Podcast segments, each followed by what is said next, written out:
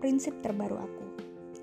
Jadi, aku punya prinsip baru bahwa aku ingin jadi orang yang kuat dalam berproses, bukan orang yang hebat dalam hasil. Iya, semua orang pasti mau banget dong untuk punya hasil yang baik dan bagus. Tapi nggak semua orang itu bisa kuat dalam berproses. Nah, oke okay, pasti selalu membandingkan dengan diri aku yang lalu karena ternyata kita itu bukan berkompetisi dengan orang lain tapi berkompetisi dengan diri kita yang dulu gitu.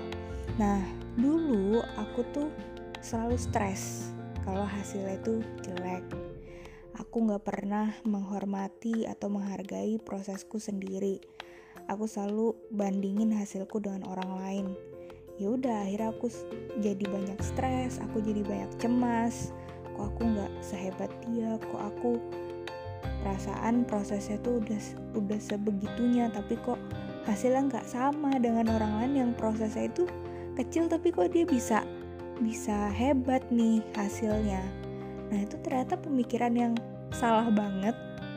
Sampai akhirnya aku ngerasa bahwa yang penting itu bukan hasil tapi proses dan tidak perlu membandingkan dengan orang lain ya mungkin sesekali boleh untuk menjadi pacuan diri kita supaya kita tidak terkungkung oleh pikiran kita sendiri, kondisi diri kita sendiri. Bahwa kita perlu untuk terus memacu diri kita dan untuk bisa beradaptasi dengan zaman.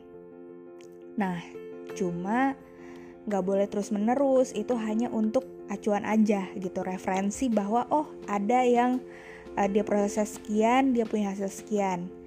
Nah, jadi itu sih yang aku pelajarin bahwa ketika kita mampu kuat dalam berproses mau hasilnya itu baik atau tidak pasti overallnya itu akan baik akan berhasil jadi misalkan nih kita proses sedemikian rupa tapi kok hasilnya zero atau misalnya kita minus gagal kayak gitu. Tapi kita tetap tahu bahwa yang kita lakuin itu baik proses yang kita lakuin itu baik. Walaupun hasilnya misalnya minus kadang berhasil kadang enggak tapi kalau kita lihat secara overallnya itu pasti akan berhasil.